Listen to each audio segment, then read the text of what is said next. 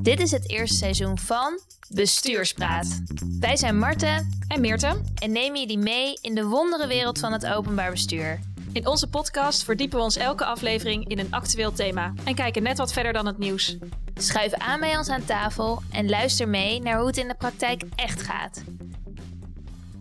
Hey Mart, we zijn onderweg naar de Tivoli. Ja, voor onze eerste podcast. We hebben hier afgesproken met de directeur van Tivoli, Jeroen Bartelsen. En we mogen via de artiesteningang naar binnen. Ja, joh, toen ik hier de vorige keer was, dat was in januari ergens, ging ik s'avonds naar een feestje. Toen was het zo druk op straat. Ja, het is echt een totaal andere wereld nu. Gisteren ook de persconferentie met de nieuwe maatregelen. De concertzalen en de musea gaan twee weken dicht. Ja, en Jeroen heeft ons voorgesprekje vorige week ook al een keer verplaatst. Want hij had een interview voor Radio 1. En hij stond gisteren weer met een groot artikel in de Volkskrant. Ja, we kunnen niks anders zeggen, Meert, maar we duiken met deze aflevering meteen de actualiteit in. Onze collega's Bastiaan en Katiel komen hier zo ook heen. En dan gaan we het, nou ja, je raadt het al hebben over de kunst- en cultuursector. Hoe de overheid deze sector kan helpen, maar vooral ook waarom de overheid dat eigenlijk zou doen. Ja, ik ben heel benieuwd. Laten we naar binnen gaan, het is koud. Yes. Nou, welkom allemaal. We zitten in de kleedkamer van Ronda voor de kenners van Tivoli Vredenburg. En we zitten aan tafel met Jeroen Bartelsen, de directeur van Tivoli Vredenburg, oud-directeur ook van de Raad voor Cultuur.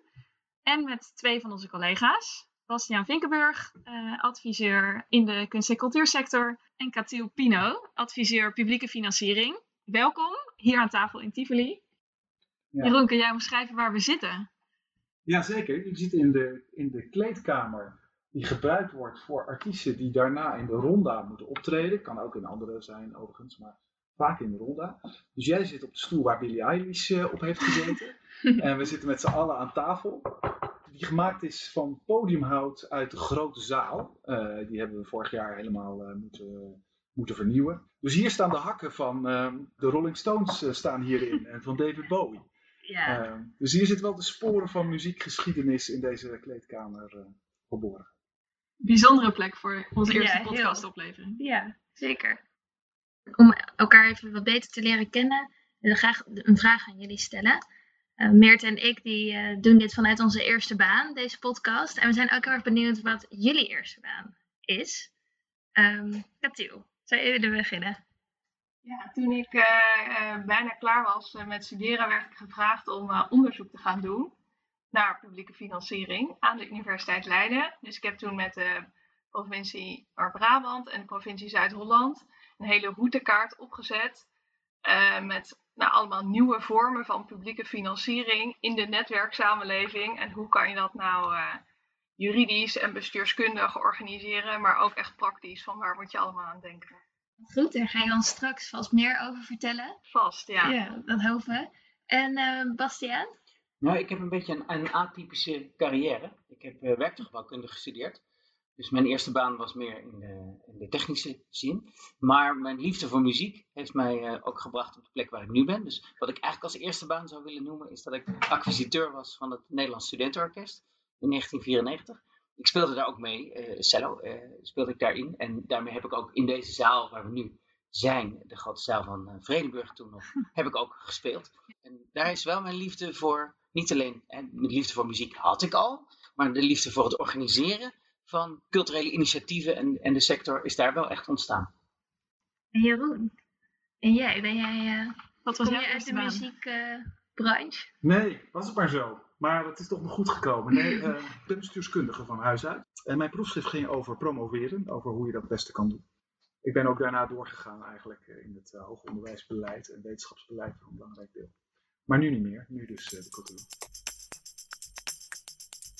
Misschien is het handig om even iets over de structuur van de sector en de financiering van de sector uit te leggen. Um, allereerst is het belangrijk dat de sector op aarde is niet per se om geld te verdienen, maar om waarde te creëren. Artistieke waarde, in, hè, in de zin van mooie producties eh, die mensen verwonderen en inspireren.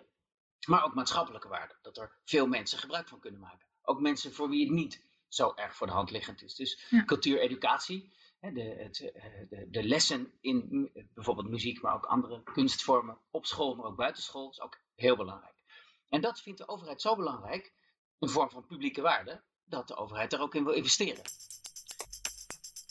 Ho, stop, Meert. Ja, dit is een ingewikkelde bestuurskundige term. Publieke waarde. Wat bedoelen we hier eigenlijk mee?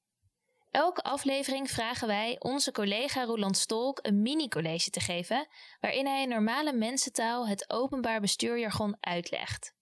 Hij is nogal lang van stof, dus hij krijgt van ons 2 minuten 14 om jullie mee te nemen in zijn bestuurskundige theorieën. We schakelen over naar de collegezaal. Roeland, naar jou. Welkom bij dit eerste mini-college. Om het begrip publieke waarde goed te kunnen begrijpen, moet je beginnen bij een begrip wat daar eigenlijk lijnrecht tegenover staat. Run government like business. Do it like Thatcher in Engeland. Of do it like Trump recent. Of zullen sommige mensen, zeker in de kunst- en cultuursector, zeggen: do it like sommige VVD'ers een aantal jaren terug. En met run government like business wordt bedoeld dat je als overheid of als overheidsmanager zelf het aller, aller, allerbeste weet wat goed is voor je samenleving. Je bent immers verkozen. Dus het betekent dus dat je als overheid uh, goed kan nadenken in een torenkamer, um, een beleid kan formuleren en dan zeggen: dit gaan we nastreven. En vervolgens gaat proberen om zo goedkoop mogelijk hetgeen wat je nastreeft ook werkelijkheid te maken. Dan krijg je dus een enorme nadruk op efficiëntie. Dat wordt bedoeld met run government like business. Nou, dat ging een heel aantal jaren, uh, was dat best wel populair. Maar op een gegeven moment waren er toch dromme, woedende wetenschappers en overigens ook burgers. Zeker na Trump. En die zeiden eigenlijk, de overheid is geen bedrijf. En wij burgers zijn geen klanten. De overheid moet dus een ander soort waarde nastreven. Publieke waarde. Zo zei de wetenschapper Mark Moore in 1995. En wat er met dat begrip bedoeld wordt, is dat Mark Moore eigenlijk zegt: publieke waarde ontstaat daar waar de overheid de balans weet te houden tussen drie bollen. Bol 1, de formulering van wat waardevol is. Bol 2, de wijze waarop je dat legitimeert. En bol 3, de wijze waarop je mensen en middelen inzet om dat ook voor elkaar te boksen. We lopen de drie bollen even langs. De formulering van wat waardevol is. Dat is eigenlijk het antwoord op wat wil je nou bereiken. Dat kan bijvoorbeeld zijn een enorm divers aanbod in de kunst- en cultuursector. Of prachtige dorpstheaters. Of vernieuwende kunst, wat weer de weg vrijmaakt voor vele nieuwe kunstenaars. Maar je hoort het al bij woorden als mooi of schitterend. Het is tamelijk subjectief. Dus de kans dat je dat in je eentje in een torenkamer verzint, is nagenoeg nul. Vandaar dat die tweede bol bij Mark Moore zo ontzettend belangrijk is. De bol van legitimiteit. En Mark Moore bedoelt er niet alleen formele legitimiteit mee, wat in de wet staat of wat in je beleid staat, maar die bedoelt daar vooral informele legitimiteit mee. Het draagvlak wat bij bestaat bij mensen voor de formulering van wat waardevol is. Maar vooral ook hoe mensen met elkaar leren. Dus hoe jij leert, niet alleen over wat je zelf waardevol vindt, maar ook over wat de ander waardevol vindt. En op basis van wat de ander waardevol vindt, pas jij ook weer je eigen formulering aan van wat jij waardevol vindt. Zo ontstaat er steeds meer een gedeeld beeld. En in dure bestuurskundige taal ontstaat er dan een democratische ervaring.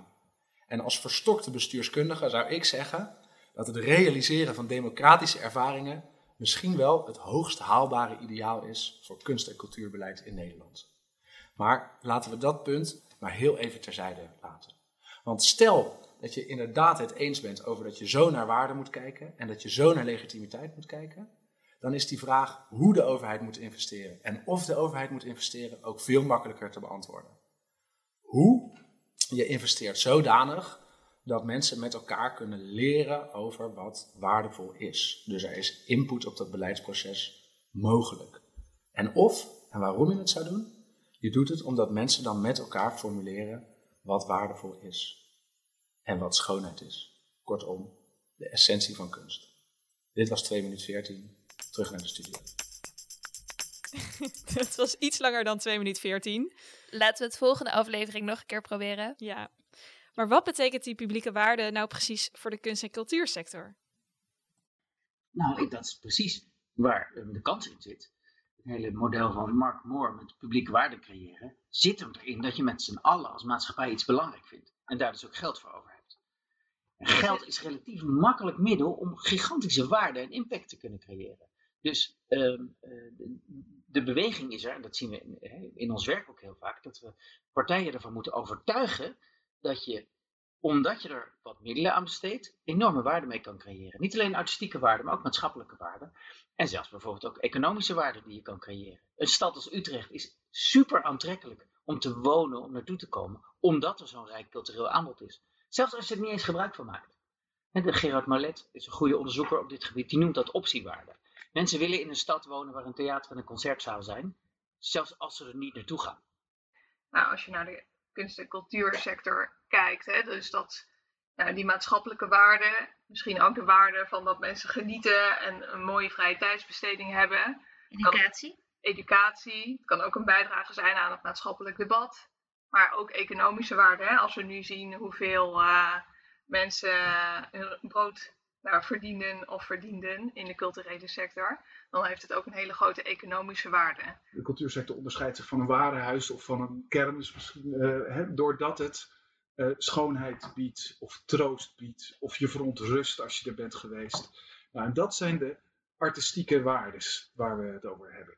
Dus ze roepen een emotie op, ze hebben te maken met, met beleving, met de schoonheid van, uh, van, de, van, van een vorm die een kunstenaar je toont.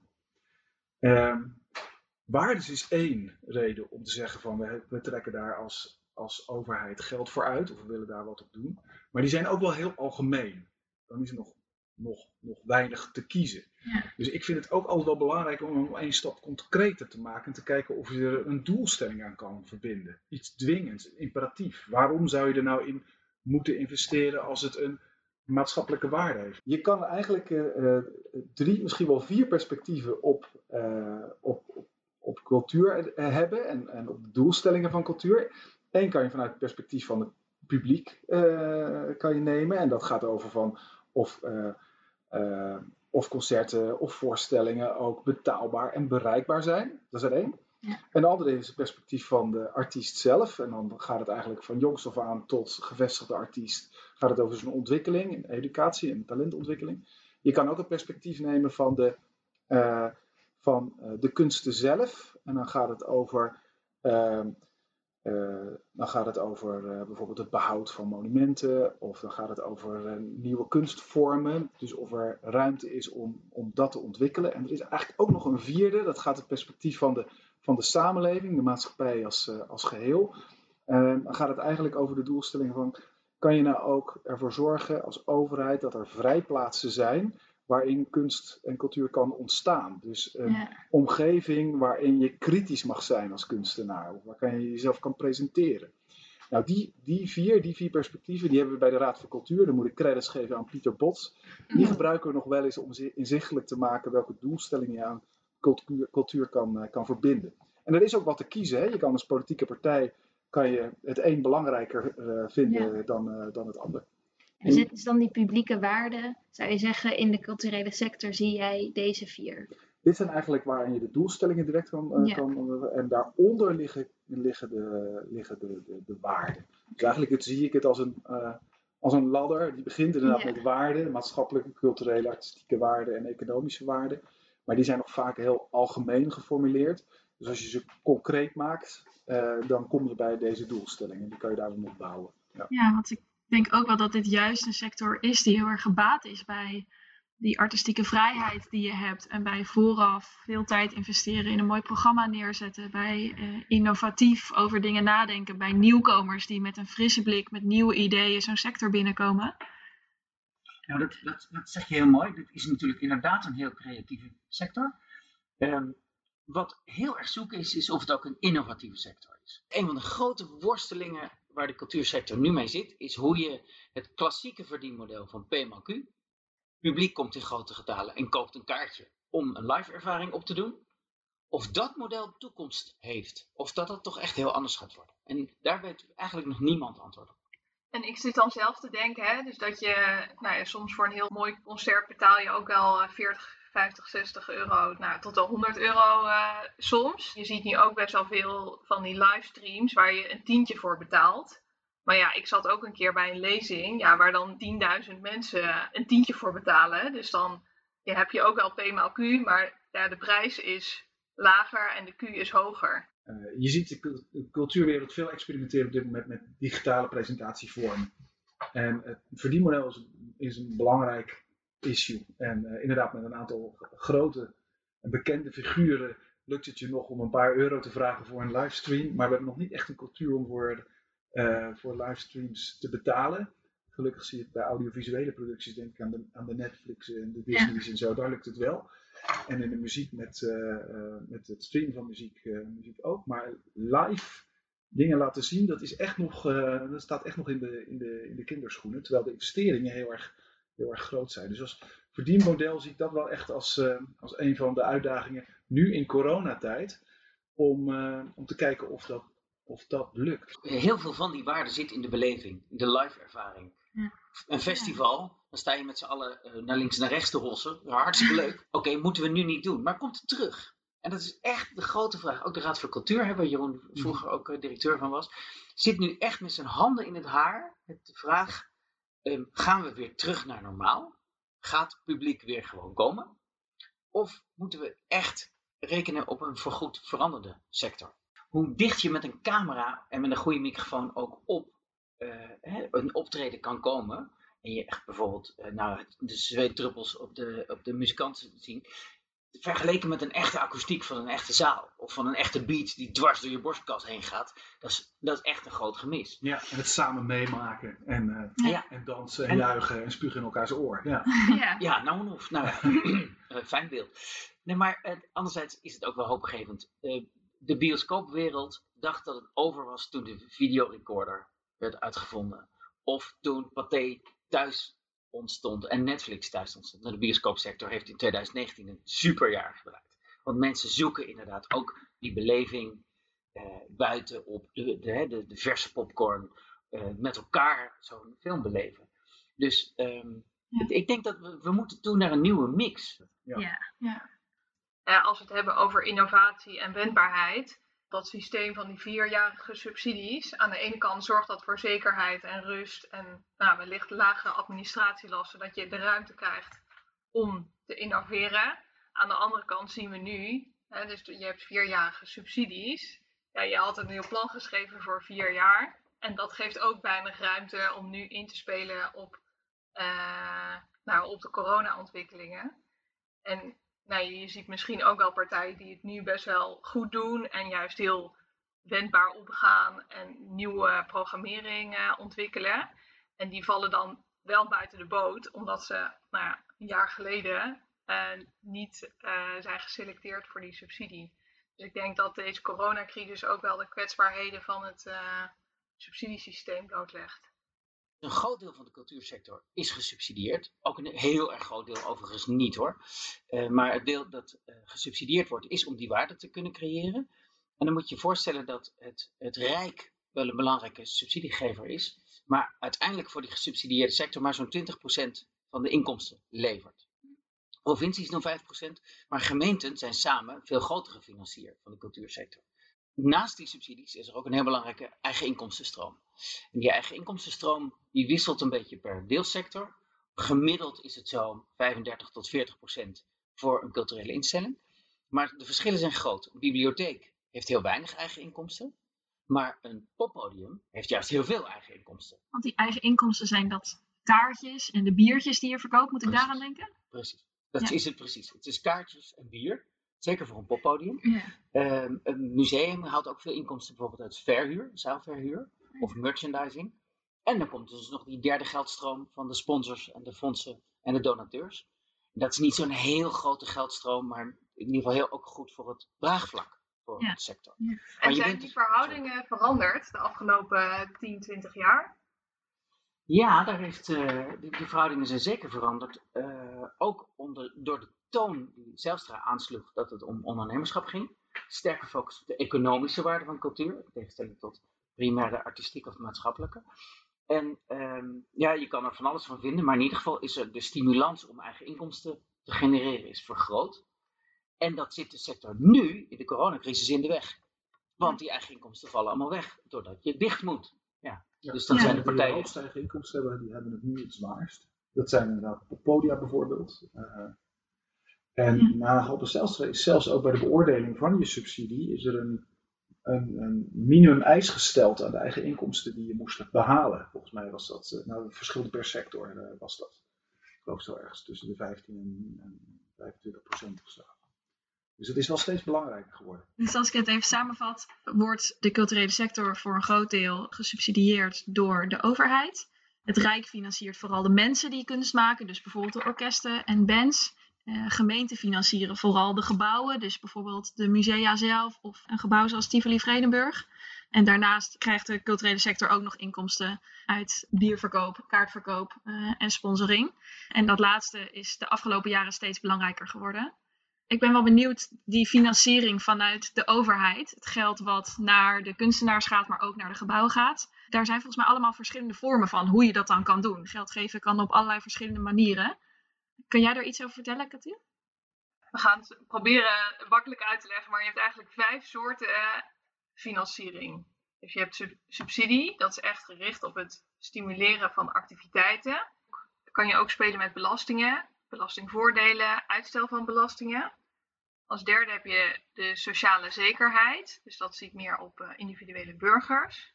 Dus inkomensondersteuning dus. Ja, inkomensondersteuning. Ten vierde, ik weet niet of dat al veel gedaan wordt, maar dat zijn echt concrete opdrachten. Die worden verstrekt aan partijen in de cultuursector.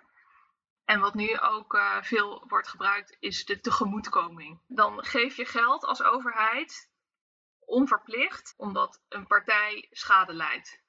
Juridisch gezien is een subsidie gericht op stimuleren van bepaalde activiteiten. Hè? Dus de gemeente Utrecht wil dat Tivoli een podium geeft voor concerten. En een tegemoetkoming is gericht op de schade tegemoetkomen. Dus dat is niet gericht op activiteiten die uitgevoerd moeten worden. Maar ja, zegt de overheid van ja, er wordt schade geleden en wij vinden dat we als overheid uh, de verantwoordelijkheid hebben. Hè? Niet de plicht, maar wel de verantwoordelijkheid om die schade tegemoet te komen. Nou ja, het is, het is een ingewikkelde discussie hoor, die ook in de, in de sector enorm leeft. Over in hoeverre moet je nou organisaties afrekenen op hun prestaties dan moet je allemaal eisen stellen. Dat heeft tot gevolg dat heel veel instellingen het, het subsidiesysteem enorm ervaren als een hoepeltje waar je doorheen moet springen. En waar je ook van tevoren voor vier jaar moet vastleggen wat je allemaal gaat doen. Er zit heel weinig flexibiliteit in. De Raad voor Cultuur uh, streeft naar een sector die weerbaar is en wendbaar is.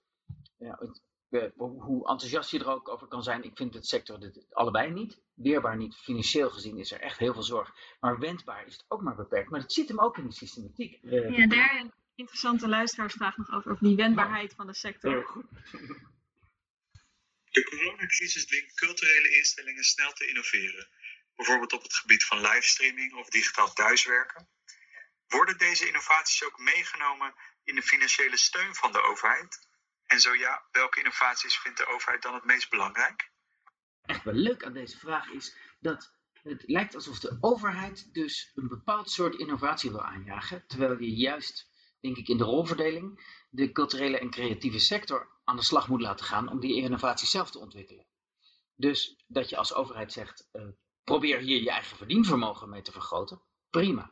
Maar als de overheid zou gaan voorschrijven hoe die innovatie vormgegeven moet worden, dan doe je het eigenlijk helemaal verkeerd. Maar je kan wel zeggen, je moet kijken naar je verdienvermogen, of je moet kijken naar de interne organisatie, of je moet kijken naar je programmering. Dat zijn wel verschillende richtingen waarin je kan sturen als overheid, toch? Ja, dat, dat zeker wel. Maar, de, maar hoe je echt je innovatie vormgeeft, hè, de, de ideeën, verwacht je toch eigenlijk dat die uit de sector komen. Ik zag Jeroen een beetje schudden. Nou, ik geloof ook niet dat, dat de vraagsteller bedoelt. Uh, ik denk dat de vraag, als ik het goed begrijp, is van nou, hoe kan je nou als overheid innovatie bevorderen? Nog even los van, van inhoud en vorm. Ik denk dat je als, als, als overheid een instelling kan vragen om aan te geven wat voor rol ze in een cultuurbestel willen, dus wat de aard van het beestje is. En als die instelling innovatie hoog in het vaandel hebt staan, dat je dan vervolgens als overheid wel mag toetsen of die zijn beloftes waarmaakt. Een instelling kan echter ook ervoor kiezen om educatie, uh, uh, een educatieve functie te hebben. En dan speelt innovatie misschien veel minder een, veel minder een, een rol. Dus ik denk dat je als overheid heel goed moet kijken wie je afrekent op innovatie. En aan moet sluiten bij de keuzes eigenlijk van die instelling zelf. En als je als overheid inhoudelijk wil sturen op innovaties, dan geloof ik zelf heel erg dat je moet proberen een maatschappelijke vraag te articuleren. Dat kan bijvoorbeeld zijn, ehm, hoe zorgen we dat we op de maan komen? En dan laat je er Ja. in het midden of daar een ladder voor wordt gebruikt, of telekinese, of teleportatie, of een eh, raket. Ehm, maar je nodigt iedereen uit om daar goede ideeën voor te leveren. Dus je zegt niet, we gaan een raket ontwikkelen, maar we gaan zorgen Je dat we iemand op de maan zetten. Ja. Ja. In de culturele sector zijn heel veel eh, ZZP'ers eh, werkzaam. Dus heel veel mensen die eh, geen vaste baan hebben. En daarvoor is nu ook de TOZO, en die is ook veel in het nieuws, eh, dus de tijdelijke overbruggingsregeling zelfstandige ondernemers. Dus die ZZP'ers hebben nu ook eh, ja, een soort bijstand, kunnen die aanvragen. En dat is dan heel erg gericht op de artiesten die zich een kortdurig contract dan aangaan met een instelling. Ja, ja, dus dat zijn artiesten, maar ook heel veel mensen eromheen. Hè? Dus technici, Ja. programmeurs, Ja, die sector is dus een sector met enorm veel ZZP'ers. Eh, en daar hebben we ook een luisteraarsvraag over. Dus die ga ik even laten horen. Ik heb een vraag voor de heer Bartelsen. Ik ben zelf werkzaam als agent van een aantal muzici. In de huidige coronapandemie is meer dan ooit duidelijk geworden hoe enorm financieel kwetsbaar muzici zijn. De meeste van hen zijn zelfstandigen en worden per gegeven optreden betaald.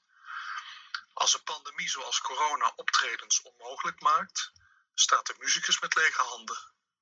De zaal die hem uitnodigde hoeft niet te betalen en de muzikus hoeft niet te komen spelen. Uitkomst van dit alles is feitelijk dat het financiële risico voor dit soort situaties volledig wordt afgewenteld op de muzikus, niet op de zaal als afnemer. Hoe kijken de zalen eigenlijk tegen dit probleem aan? Zijn zij het zich bewust? En moet er niet een ander soort risicoverdeling komen in geval van zo'n pandemie? Ja, terechte vraag. En ik deel die zorg. Ehm, en op dit moment kijken wij ook naar eh, de concerten die eruit vallen.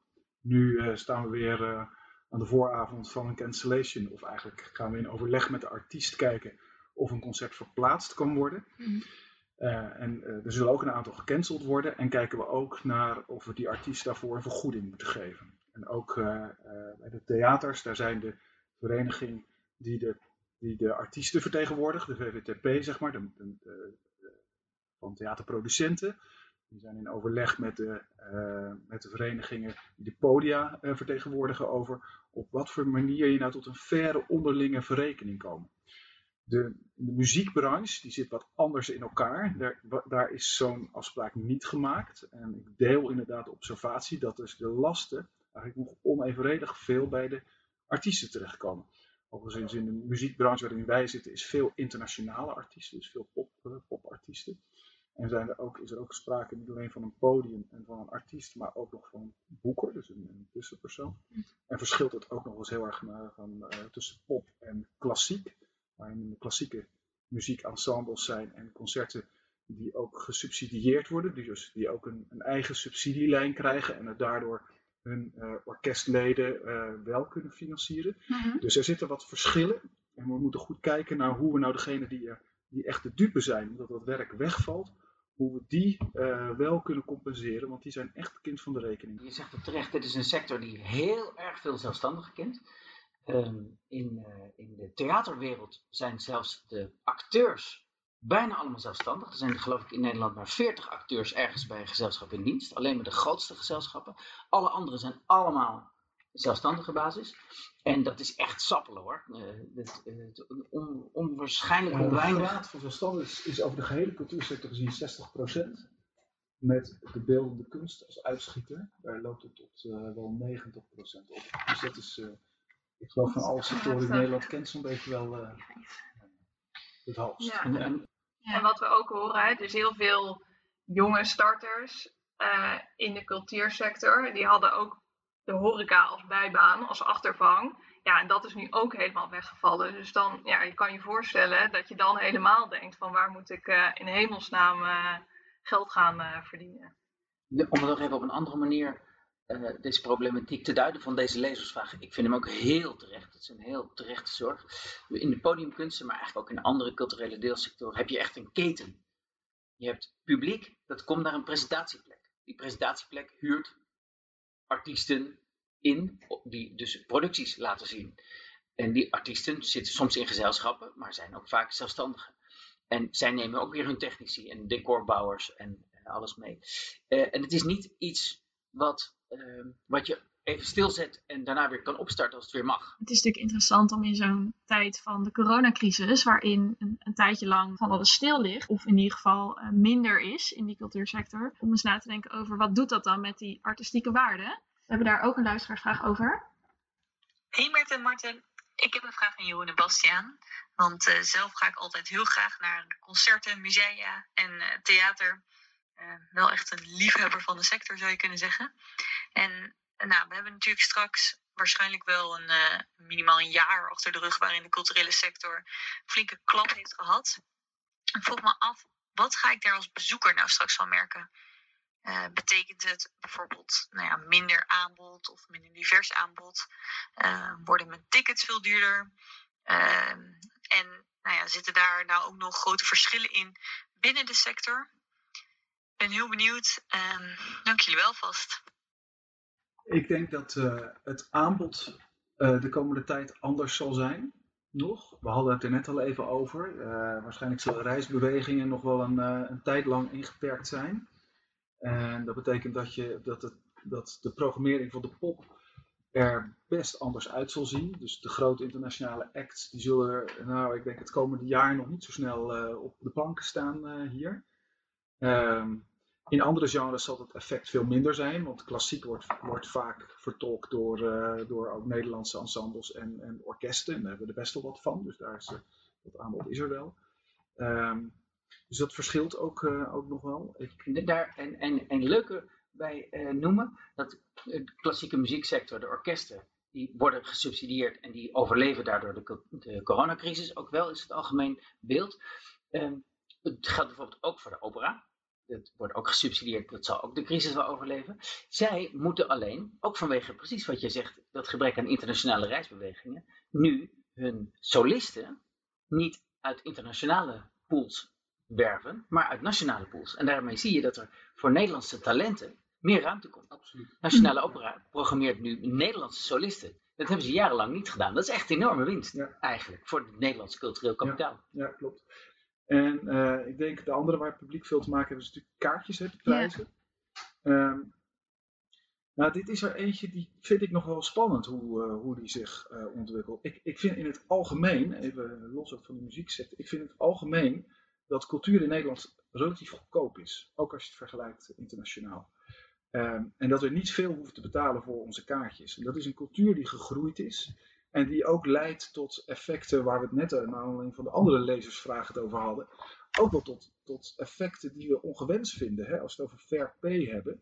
Uh, over de hele linie worden artiesten op een aantal uitzonderingen na worden niet goed betaald. Dat is echt, uh, normaal in de muziek is het een winner takes it all markt. Ja. Um, dus ik denk en ik hoop ook eigenlijk wel dat die prijsstelling van kaarten in de hele cultuursector net wat meer een afspiegeling is van de kosten van cultuur. Maar dat hangt ook af wat de overheid daarin gaat doen. En ik denk dat daarbij prijsdifferentiatie ook heel belangrijk is. Dat gebeurt al wel. Maar uh, een van de vormen van publieke waarde, waar Katiel het net ook over had, is uh, dat je het belangrijk vindt dat het voor de hele gemeenschap ten gunste komt. Dus dan moet je uh, juist ook groepen die minder dra draagkrachtig zijn, proberen ja. de, de, drempels te verlagen. En dan is dus vraagsubsidiëring eigenlijk misschien nog een betere vorm dan aanbodsubsidiëring.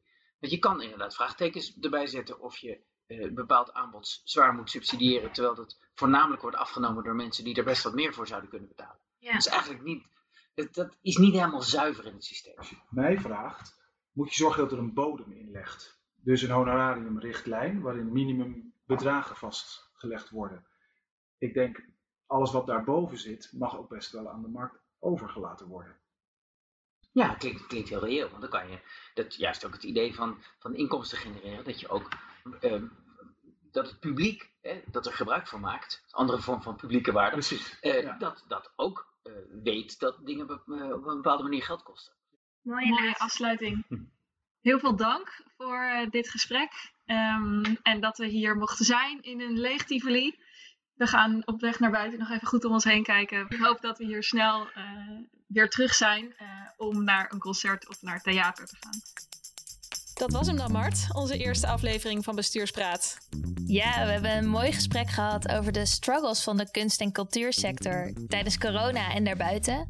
Mm -hmm. Hoe de overheid hierbij kan helpen en waarom de overheid dat zou doen. We hebben eigenlijk een antwoord gekregen op de vraag: wat is de publieke waarde van de kunst- en cultuursector? Een goed begin van het eerste seizoen.